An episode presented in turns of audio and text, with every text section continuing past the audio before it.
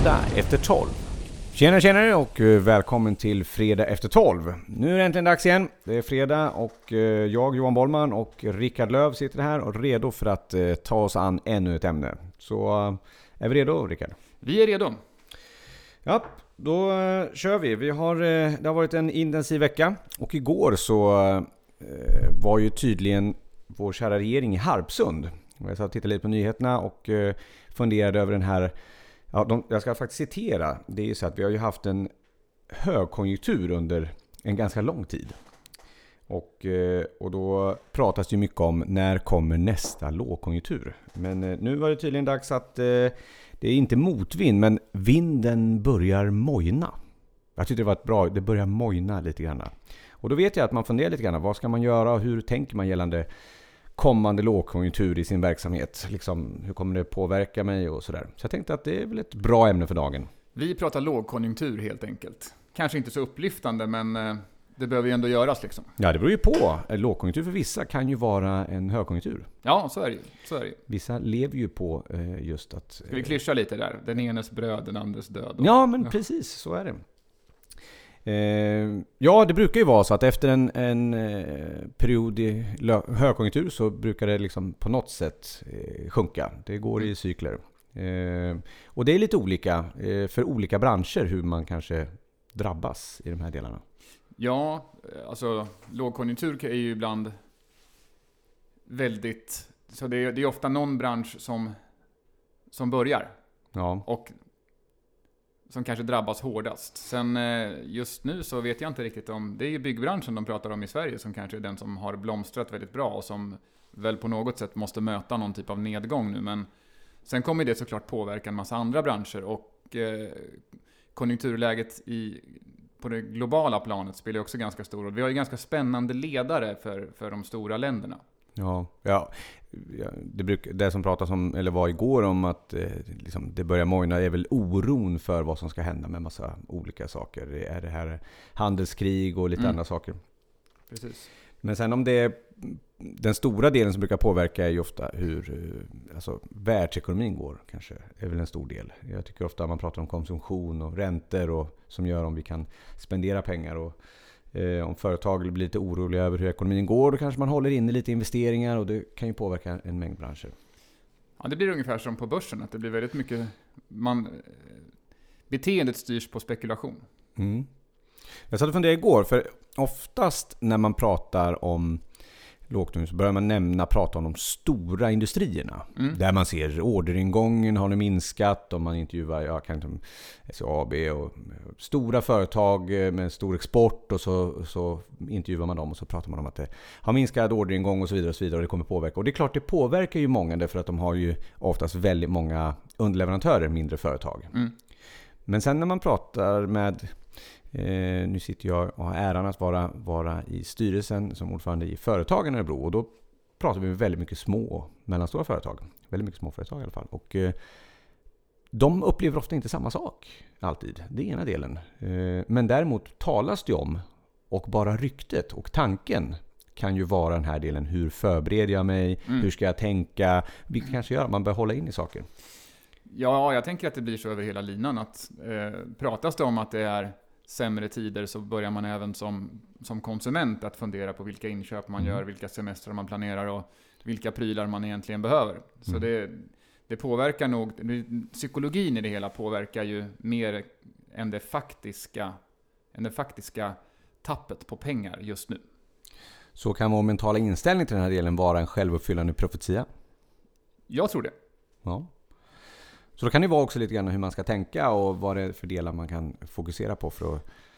Ja, ur poddperspektivet är det ju lite intressant att se eftersom vi pratar ju mycket entreprenörskap och entreprenörskap är ju kanske mer knutet till små företag än, än de här stora industrierna i Sverige. Och bara man börjar med att titta på antalet företag så är det väl så att det är, det, det kanske du kan, du som är du som sitter i Företagarna, hur många procent av företagen i Sverige som är färre än 50 anställda?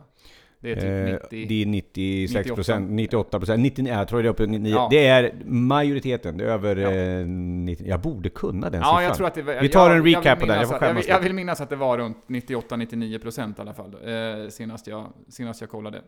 Men sen är det ju självklart så att de stora företagen eh, har ju väldigt många anställda. Så att mm. fördelningen, om vi tittar på population, hur man arbetar, så är den inte så att 99% jobbar i små företag. Eh, men, eh, men ändå så, det pratas ju väldigt mycket om, som du sa, om de stora företagen, om hur de går och mm. deras, eh, deras orderingång. Och självklart också så, som du redan har varit inne på, som underleverantör så påverkas man ju av om en stor industri som Volvo eller Epiroc till exempel, som ofta är eh, företag som som man pratar om när exporten på bil eller gruvmaskiner mm. eh, minskar väldigt kraftigt så påverkar det många andra företag också. Och det kan väl vara lite grann om man som underleverantör har väldigt många ägg i samma korg. Mm. Så det är klart att man påverkas mycket.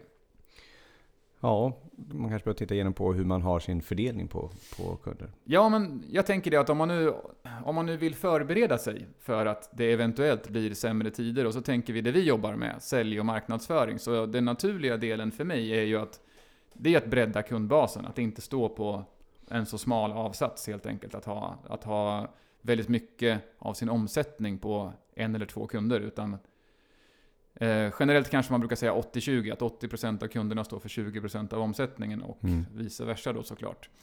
Eh, men då är det väl ganska bra läge att nu, innan det blir dåliga tider, börja rikta både marknadsföring och säljinsatser mot nya kunder. Ja. Det kan ju vara en sån tanke som slår mig direkt. Ja, men det är, det är definitivt en intressant tanke. Tar man marknadsföringssidan så eh, har jag märkt under alla de här 20 åren jag har hållit på med marknadsföring och, och försäljningen. Men just marknadsföringssidan är alltid lite intressant. Därför att av någon eh, anledning så är det att i, i högkonjunkturperioderna när ja, orderböckerna är ganska välfyllda, det är ganska mycket kunder som ringer. Då då behöver man liksom, tycker man, nej men du behöver inte marknadsföra mig. För det är, liksom bara, det är för att jag ska ha in kunder. Mm. Eh, liksom egentligen lite gammalt annonstänk. Ja, men varför ska jag ha en annons ute och försöka säga kom till mig när, när jag inte jagar fler egentligen? Precis. Så då struntar man i det. Man eh, jobbar egentligen inte med marknadsföring överhuvudtaget. Eh, utan man jobbar mycket på att ta hand om, bara serva de kunder man har. Och sen så självklart kommer ju någon gång den här dippen. Och då märker man när man håller på med marknadsföring att då helt plötsligt blir det ju fler leverantörer på färre kunder. Och så måste man slåss lite mer. Och då börjar man ta kontakt med, med sådana som mig till exempel och få hjälp med marknadsföring. Nu, nu, nu måste vi ut och synas för nu börjar det bli lite tomt i orderböckerna. Och så vill man gärna ha en quick fix. Hur, just nu, kan du fixa, vad kostar det att få in lite nya kunder här snabbt? Mm. För nu börjar tryta lite. Och det är väl lite här som är intressant att diskutera det skonklämmer, där man kanske kan göra på lite andra sätt. Att man kan ha en lite större långsiktighet i sitt tänk runt marknadsföringen, tänker du? Ja, alltså marknadsföring behöver ju inte alltid vara, om man tänker eh, det är ju inte alltid att sälja saker, utan det är, försäljning är ju att skapa en relation. Mm. Och relationer är ju inte en quick fix. Det är lite det som är dilemmat. Och då kan man ju variera sin... sin det är självklart det är svårt att annonsera att hej, eh, Johan heter jag, jag behöver inte fler kunder, så ring inte för vi har fullt upp. Men man kan ju kommunicera en mängd andra saker mm. för att stärka sina kundrelationer till exempel. Eh, vilket är otroligt bra när en lågkonjunktur kommer. Eh, att verkligen, då är ju de kunderna man har allt viktigare. Ja, precis. Att göra sig själv eh, lite oumbärlig för de, för de kunder man har. Ja. Och sen är det också så att i en lågkonjunktur så blir det ju ofta till exempel ett eh, priskrig som drar igång lite mm. grann. Mm. Där man börjar prisa ner sig. Och det kanske inte alltid är så lätt då att vara med i, den, i det kriget, i den fighten. Eh, men det är heller inte alltid priset som är avgörande. Eh, utan det är ju många andra delar. Relationer, de mjuka värdena, värderingar. De, mm. Men de sakerna är också någonting man kan kommunicera och använda i sin marknadsföring långsiktigt. Både för att visa andra och även stärka sina befintliga. Så jag tror att en, en, en del i marknadsföringen är egentligen att satsar man i goda tider, då man ofta har kanske också lite kapital. Mm. Eh, för att egentligen grunda och vara förberedd för den dagen det, det blir tyngre. Ja men det är väl vettigt, för jag menar någonting som väldigt ofta händer i, när, man, när, när man går in i en lågkonjunktur är att folk börjar titta på kostnadsmassan på, mm. på företaget. Och en, en naturlig del då även om priset inte alltid är det viktiga, så är det ändå att, att någonstans titta på vilka leverantörer har vi och kan vi göra det här effektivare eller billigare på mm. något sätt? För att det som, det som alltid ryker först är ju vinsten. Liksom. Så mm. för, att ha, för att ha ett positivt resultat om ett år, vad kan vi dra ner på? Och då, då blir man ju som leverantör oftast konkurrensutsatt. Mm. Så antingen kan man väl bara få frågan, det är tuffa tider för oss, kan ni, kan ni, hjälp, kan ni hjälpa oss genom att sänka priset? Alternativt så är det en lite hårdare varianten där man säger att vi har, vi har pratat med några andra, några andra leverantörer och vi har fått ett bättre pris. Mm. Vill du vara med och sänka, vill du vara med som leverantör så får du, får du också vara med och sänka priset. Så där är väl någonting att då tänka på just det kund, dels de befintliga kunder man har, att stärka kundrelationen, men också att vara med och ur marknadsföringssynpunkt vara en spelare som finns på planen. För de, för de kunder man inte har idag, som ja. är hos en konkurrent. Ja. Och ja, och kanske den marknad man känner att ja, jag behöver inte ta en ny marknad idag i högkonjunktur. Det är inte intressant. Den här, det är inte vår viktigaste del. Eh, men om man sen någon gång behöver närma sig dem så är det ju ganska bra om de känner till att man existerar. Man ja, syns där ute någonstans. Mm. Eh, men hur är det med säljet då? Alltså, det är väl lite, lite så när, när, det, när kunderna ringer in och man har inbound, då bör kanske tycker man säga ja, men vi behöver inte sälja, de kommer ändå. Ja, det är ju det är ofta så i högkonjunktur att är, om, man har, om man har en väl fungerande verksamhet så, så har man också ett gäng kunder som, eh, och, och, nya kunder kommer till. Man mm. har ett gäng kunder som funkar bra och eh, som står för en bra del av verksamheten och sen så, så hör kunder av sig och det blir ju inte så ofta så i lågkonjunktur. Eh, säljet funkar väl egentligen inte, alltså den svåra delen med försäljning i lågkonjunktur, det är att man kanske oftare hamnar i prisdiskussion. Mm. Och säljare vill ju oftast prata andra saker än pris. Mm. Kvalitet, leveranssäkerhet. Alltså man, vill ju, man vill ju sälja på relation, inte bara på pris. Mm. Självklart, har man en produkt som är en ren lågprisprodukt, eller om man är en ren lågprisleverantör, så är det självklart så att man gärna ser att det är, då kanske man till och med välkomnar en lågkonjunktur. För att då kommer fler att börja titta på det billiga alternativet. Sen är ju det också en fråga om om en vara har ett billigt pris, innebär det att, en, att inköpet per definition blir billigt? Nej, inte alltid. Det beror ju lite grann på hur länge man ska använda mm. det man köper och vad det är för kvalitet på det. Så det. Men det är kanske lättare att hamna i prisdiskussion när det är dåligt med pengar såklart. Ja, definitivt.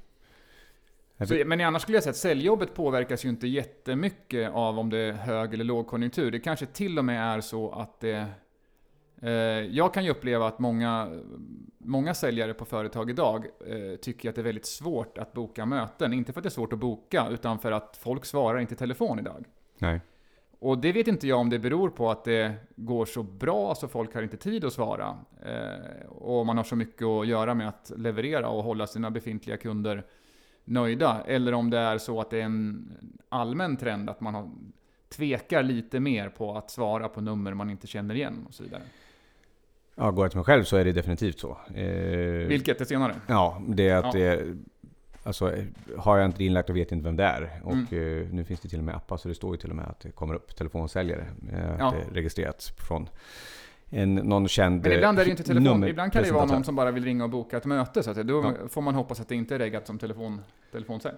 Eh, ja, jag såg en undersökning. Jag ska ta fram ja, eh, källan där. Eh, jag har kommit på namnet. Det var en amerikansk undersökning som gjordes här eh, nyligen. Det är att, eh, sen, jag tror att den slår ganska bra här också. Men 9 av 10 beslutsfattare mm. Eh, tar inte kalla samtal längre överhuvudtaget och det här är väl en trend, frågar man någon som sitter och ringer kalla så är väl lite den trenden man känner av. Mm. Det är svårt, det går åt fler samtal för att hitta den där en enda. Mm. Eh, det är ena delen.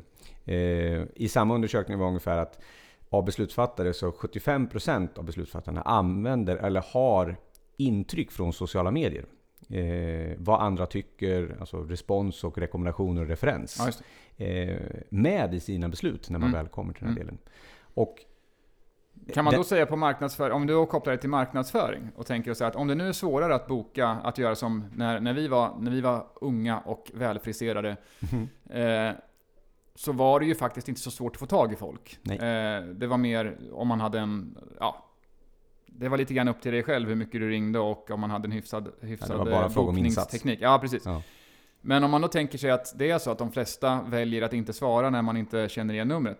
Kan man koppla marknadsföring till den här, alltså den första det som förut alltid var att man lyfte luren och hade ett kallt samtal. Men om man, kan man istället marknadsföra sig till det första mötet? Ja, och det är väl där lite marknadsföring blir. Marknadsföring har varit förut egentligen här kom och köp, kom hit. Eller man försöker mm. gå på egentligen konvertering som man kallar det. Idag är väl fokus istället marknadsföring just på att skapa kännedom och bygga en introducerande relation. Eller mm. egentligen mm. visa en expertis. Bygga ett förtroende.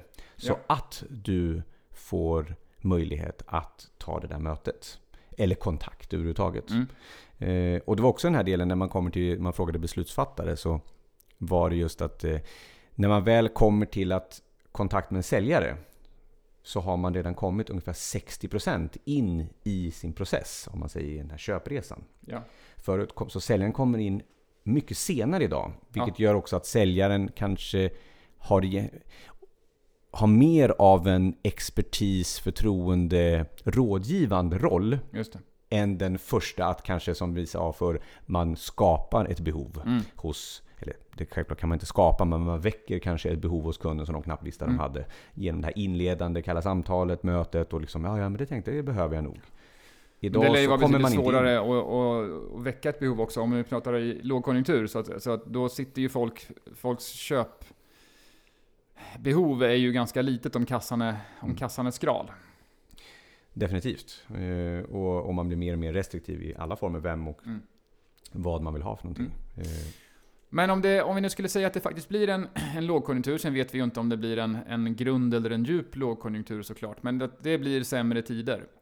Vad kommer liksom att, vad kommer hända först? Vad tror vi?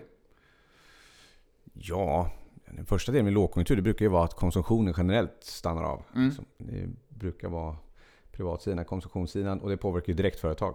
Mm. Eh, Då kommer vi också in på ett litet ämne med, med att det, vi pratade ju butiksdöden här för ett tag sedan. Eh, och eh, en lågkonjunktur just nu när, när liksom digitaliseringen slår igenom på bred front i konsumtionsledet. Om man då tänker sig att vi dessutom adderar en lågkonjunktur där folk börjar handla mindre. Mm. Då kan det gå ganska fort med den här att butiker försvinner. Ja, Till och med ganska stora kedjor. Ja, för det handlar ju, det handlar ju liksom om egentligen intäkt och kostnadsmassa. Och de som har störst ja. kostnadsmassa eh, när intäkterna viker är ju mm. de som faller först. Mm. Eh, tyvärr. Mm. Och det är väl också den delen varför det kan vara intressant för de som har att, att börja. För det är just Ska man börja sin digitaliseringsresa, om det är både för att kanske effektivisera sina processer eller eh, börja sälja en del av sina produkter via en webbshop på något sätt. Ja.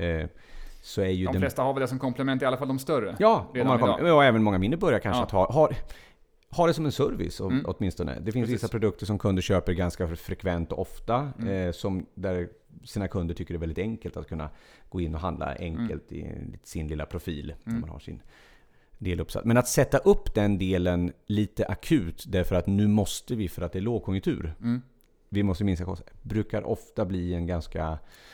Eh, ja, det blir en nödlösning. Eh, ja, precis. Ja, det, det, det, är lite grann som att försöka stärka sig själv mentalt när man redan är i kris. Ja. Eh, det, det, är inte, det, är bättre att man har gjort den träningen innan, så att man står väl rustad liksom inför, eh, inför den krisen som är.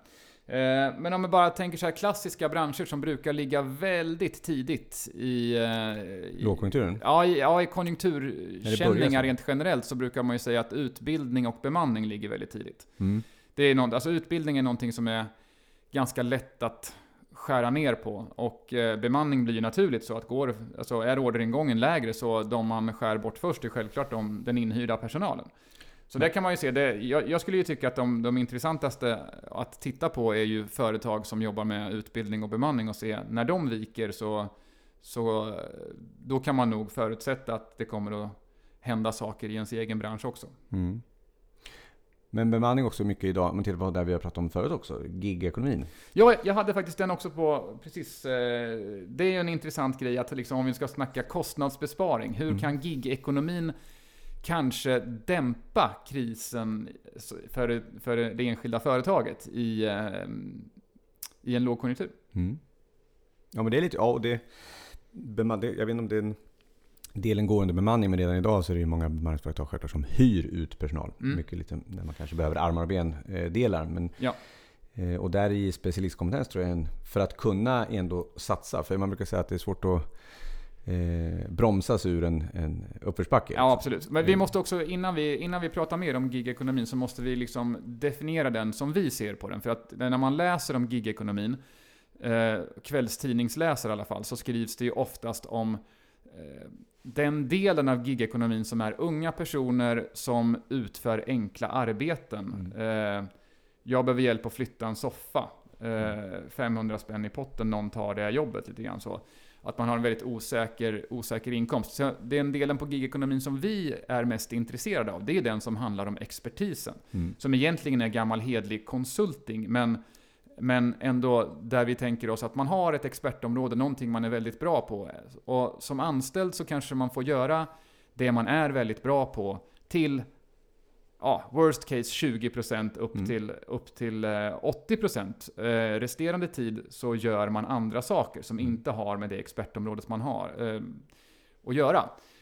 Och om man då tänker sig att vi kan ta, eh, vi kan ta ditt expertområde Johan som är marknadsföring. Om man skulle ha en om man är ett medelstort företag som har en marknadschef ja. eh, som slutar.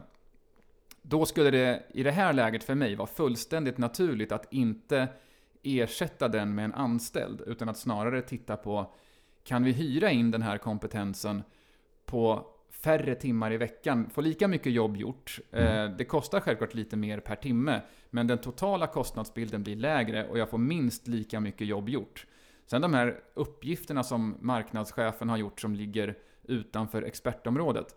Jag vet inte hur viktigt det är att det utförs av en marknadschef. Det finns säkert någon annan, lite billigare kompetens som, kan, som kanske kan göra de sakerna. Ja, men det är ju precis det. det jag tror att det är den som är viktigt att titta på. Och det är också... Eh, det, det, tar ju också energi. Om man, sitter, mm. när man, man, får ofta i sitt yrke, jag tror de flesta kan titta på sina yrkesroller, i alla fall om man har en lite mer expertroll eller mm. mer ansvarande roll så är det ganska mycket man gör som inte ligger under det här ansvaret och sin kom, liksom expertkompetens mm. som, som, fyller ut, som mm. man tar tag i. Eh, och den ena delen är ju självklart att det kan göras av, av personer som kostar mindre. Mm. Eh, så det är en kostnadsbesparing. Ja. Men det är också en påfrestning för den som är, eh, vad man säga, är i rollen. Eh, att, att ha den där utfyllnadsdelen. Eh, Ja, det kanske inte...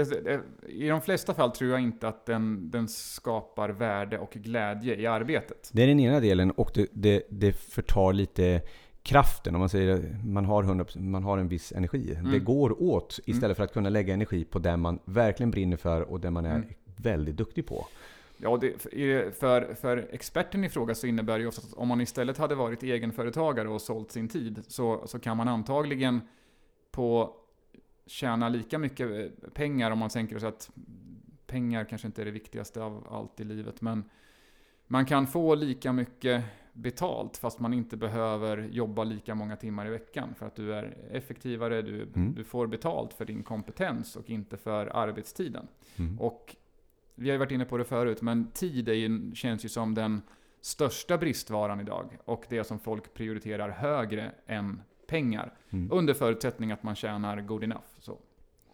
Ja, nej. Så jag tror att just den här delen att jag tror att giggare och egentligen att ta in Ja, som man alltid har sagt. Eh, rätt folk på rätt plats. Mm. Mer fokus på den delen. Mm. Så nu man gör den så är jag övertygad om att man kan få eh, mycket bättre effekt. Eh, från kostnad och effekt. Vilket är en väldigt intressant del att titta på. Om man både att förbereda inför tuffare tider. Ja. Och eh, när man står i ja. tuffare tider. Ja, men om vi tänker oss då att, nu är vi lite osäkra på om det, men så här, vi tänker oss att 98-99% av, av företagen i Sverige är färre än 50 anställda. Det är ju precis där som gig-ekonomin på expertnivå verkligen kan slå igenom och mm. göra stor skillnad. För självklart är det så att eh, jättestora industriföretag med tusentals anställda, de, de kan ju hyra in konsulter eller anställa folk på heltid och det spelar inte jättestor roll på den totala ekonomin Nej. om de är effektiva till 70 eller 90% av sin arbetstid. Nej. Men för ett företag med 25 anställda så kan ju kompetensen marknadschef eller, eh, eller som jag ibland hyr ut mig själv som försäljningschef. Den kan ju vara avgörande för hur företaget kommer att gå och att välja, man kan självklart välja att inte ha den kompetensen alls och hoppas att säljarna klarar sig själva eller att vi kan låta någon, som har, ha, låta någon ha marknadsföring som en tillika uppgift som man gör med vänsterhanden. Men vill man ha effekt av sälj och marknadsföring så är det ju oftast bättre att arbetet leds, fördelas och drivs av någon som är bra på det och, har, och verkligen brinner för uppgiften. Mm. Så där tror jag att företag kan göra en, dels göra en enorm besparing, men också att man verkligen höjer kompetensen i företaget och står bättre rustad inför en lågkonjunktur. Så jag mm. tror att dels att gigekonomin, att det ändå pratas om det och att det ligger och skvalpar lite även om många inte, det har inte fastnat i medvetandet Jag tror uttrycket har inte fastnat Nej, precis, men, men jag sätt. tror att konceptet som sådant kommer, om det blir en lågkonjunktur nu närmaste tiden, så, så kommer gigekonomin verkligen att slå igenom. Ja. Om vi snackar gig, gigekonomi på, på den här expertnivån. Det är eh, jag, ja det vet jag att vi är övertygade om, för det pratar vi om mycket. Eh, sen om det kommer bli det uttrycket eller något annat, men själva funktionen definitivt. Precis. Eh, den funkar, alltså gigekonomi är ju vedertaget på, i de lite mer engelsktalande länderna i alla fall. Den, det fastnar inte riktigt i Sverige, så vi får se om det, om, det, om det blir att det fastnar till slut. För just nu så är det ju mest negativa artiklar runt det. Det brukar det, vara det. Vi, är lite, vi, är lite, vi, är, vi har lite hälarna i backen när det gäller nytt. Ja. Det var som 2006-2007 när vi rapporterade om det här sociala fenomenet ansiktsboken. Inget bra, Nej. väldigt farligt. Eh, det ska vi inte ha. Och sen så på något sätt så så vände det där helt plötsligt och sen så vart det någonting som... Men nu är det många som verkligen tycker att det är lite otäckt det i alla fall. Men, ja, men det är ofrånkomligt brukar jag säga. Så det brukar komma dit ändå. Så länge det för med sig någonting positivt och, och, och skapar effekt. Så, ja. så jag är övertygad om att det kommer ja, funka. Vad sa du? 06, 07? Jag skulle säga att Facebook någonstans blev lite mer... Alltså det, det blev en mycket större acceptans runt 2009, 2010 mm. kanske sådär. Att det blev... Mm då, då till och med de som var motsträviga i början började skaffa Facebook och insåg att det inte var döden i en gryta. Liksom. Mm. Ja, och det kommer nog bli precis samma sak här. Det är, man måste förstå funktionen och självklart det man ja. kan, vi, vi ruckar på gamla, gamla sätt att arbeta ja. och som vi pratat om tidigare. Man utmanar ju hela, vårat, liksom, hela vårt sätt att gå till jobbet egentligen. Så. Det, mm.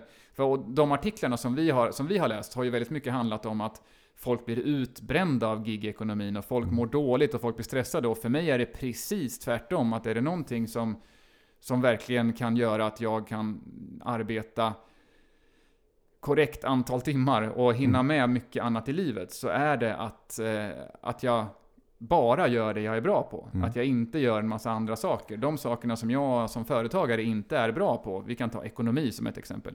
Det är den första grejen som jag lägger ut utanför. För det som tar en ekonomibyrå två timmar att göra, det tar ju mig 6-7 timmar att göra. Mm. Och det är mycket, då är jag mycket hellre ledig på de 6-7 timmarna eller, eller eh, knegar in pengar, mm. helt enkelt.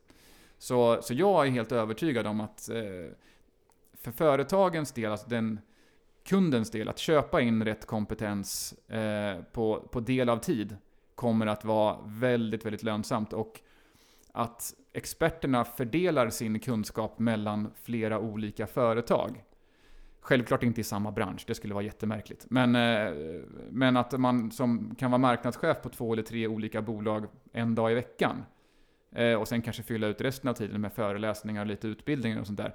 Det tror jag vi kommer se mycket mer av och då, jag tror folk kommer må bättre av det också. Ja, det kanske är en eh, en annalkande eller en ingående lågkonjunktur som kommer driva igång just den här biten. Ja men så kan det vara. Man måste, för idag så kan du ju faktiskt ha, eh, om det går, det har ju gått ganska bra för, för många företag i Sverige under ganska lång tid. Så i, idag behöver man ju inte utmana de positionerna så mycket. Vi har råd att ha en person som kanske eh, jobbar med sitt expertområde till 60%. Mm. Eh, det kanske vi inte har i en lågkonjunktur och då får man helt enkelt titta på den här varianten att, att fördela kompetensen lite grann. Och just, mm. Eftersom vi, företagarna som, där du är engagerad Johan, gör ju ofta de här undersökningarna. Och det brukar man ju prata om att just kompetensbristen är det största hotet mot mot eh, företagets utveckling. Ja, och, eh, och, om vi då blir bättre på att fördela kompetensen så att eh, experterna jobbar på, på fler företag, att vi inte, de, man inte sitter fastlåst i en anställning. Så ja, det borde ju faktiskt bli bättre. Ja, det, kan vara, det är ju ett tips att ta med sig också. Det behöver inte alltid vara att man går in i en lågkonjunktur. Jag eh, pratar med företag ganska ofta just gällande kompetensförsörjning.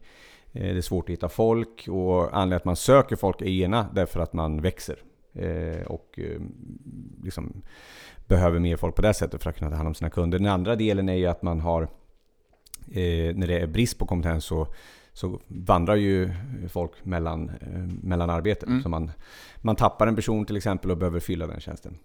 Eh, någonting som jag pratar mycket om eftersom vi, du och jag båda brinner för det här med just den här gigekonomin och, och titta, se lite annorlunda, rucka på mm. de gamla modellerna. Är just att fråga vad, vad innehåller den här tjänsten? Vad gör den här personen? Mm. Eh, och det har vi pratat om tidigare lite grann och jag tycker det är lite nyfiket eller brukar vara lite nyfiken och fråga sådana som håller på med bemanning och eh, rekrytera personal. Därför att det syns också lite grann. Jag tycker att själva trenden, och det kanske är att det ska slå i, i taket först, går ju åt andra hållet. För när man tittar på eh, annonser där man söker personal, mm. då, är det ju lite, då, är det tvärt, då är det allt. Någon som är väldigt duktig på ekonomi, försäljning, marknadsföring, är ja. social, bra ledare, har eh, 10 år på universitet, 20 års arbetslivserfarenhet, gärna har varit astronaut och sen bygger på lite grejer så att ja. man undrar så här, vem är den här? Det går ju inte att söka den här tjänsten. Nej, vem, vem finns det som kan söka den här positionen? Det, finns ju, det är helt omöjligt. Ja, och det, framförallt så är det så får du tag i den personen så, så kommer ju den personen då med astronautbakgrund och kan ekonomi, sälj och marknadsföring att kräva en, en hisklig lön. Ja. Och det skulle ju kanske då vara lite smartare att, att eh, hyra in den kompetensen man behöver på den tiden man behöver och till kanske 70% av kostnaden. Mm. Ja, och titta lite grann på att den här, är det verkligen...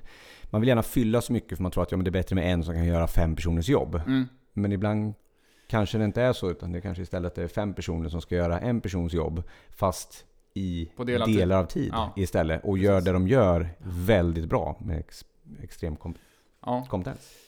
Jag tror att vi kommer se ett genomslag av den där. Eh, att, det kommer, att trenden kommer att vända. Ungefär som att trenden har vänt gällande eh, tid och pengar, alltså tid och mm. lön. Eh, ja. Där historiskt har vi väldigt mycket jagat, eh, jagat lön och i högkonjunktur så byter man jobb. Om vi tar, kan ta IT-branschen som ett exempel där man driver ju enklast lön som, som IT-konsult genom att byta företag mm. eh, vartannat år. Och det är ju enklare att byta i högkonjunktur för då står alla och skriker efter kompetens idag så tror jag att många kanske byter av en annan anledning. Mm. Man, man har nått en lönenivå som, är, eh, som man är nöjd med och då ser man hellre att man har ett friare, friare jobb. Du kanske kan jobba hemifrån mer. Mm. Eh, slipper, och framförallt i större städer, att man slipper lite restid.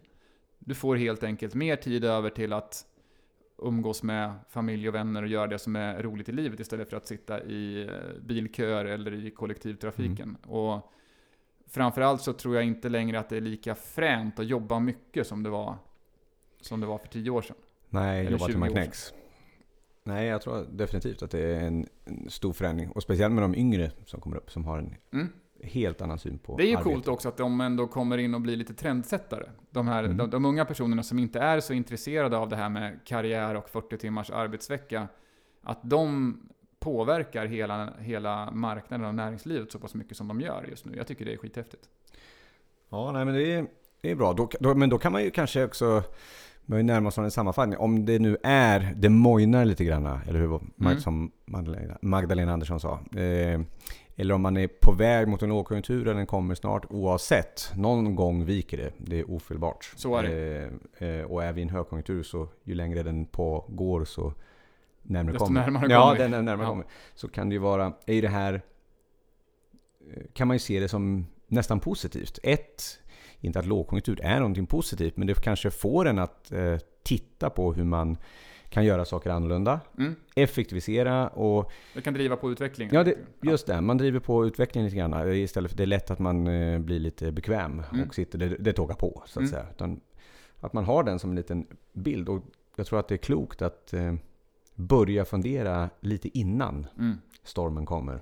Eh, och Precis. göra det i ja, göra det i maklig takt. Ja. Eh, och att man gör det ut efter eget huvud istället för att mm. man måste därför att det börjar gå rakt ut för.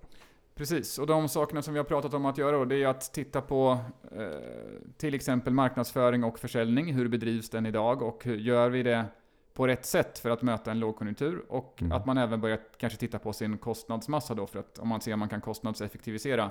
Om man till exempel har eh, nyckelpersoner som säger upp sig, ska vi rakt av ersätta den med samma arbetsbeskrivning eller ska vi göra det på ett annat sätt? Mm. Kanske omfördela resurser internt så att det blir lite effektivare. Eh, har vi några andra har vi sagt något annat som är vettigt idag? Digitalisering. Man kan också kolla på digitalisering. Hur, hur mycket kan vi digitalisera själva för att skapa någon typ av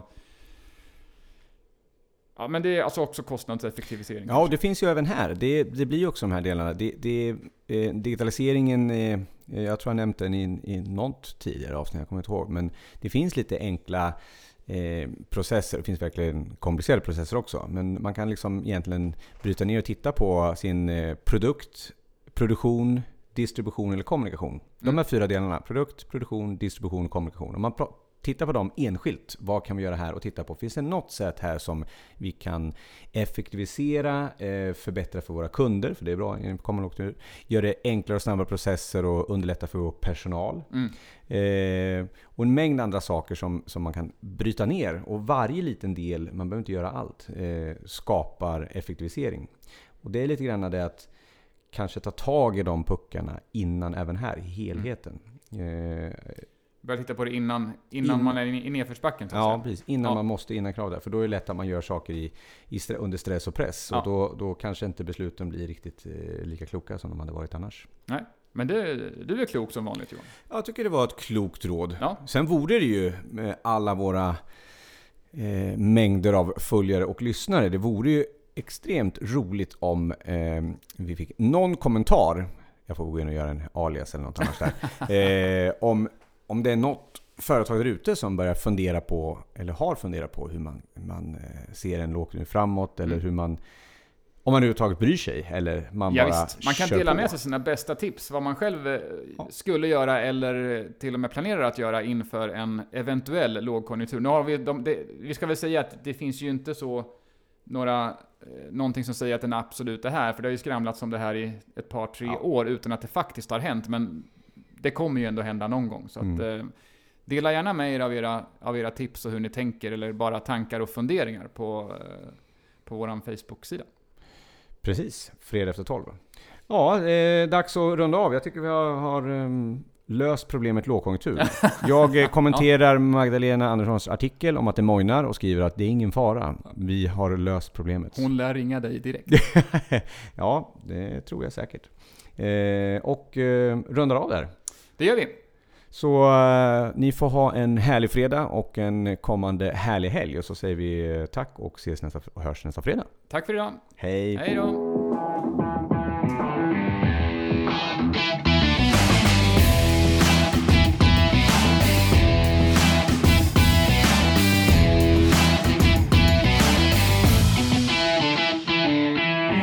Fredag efter 12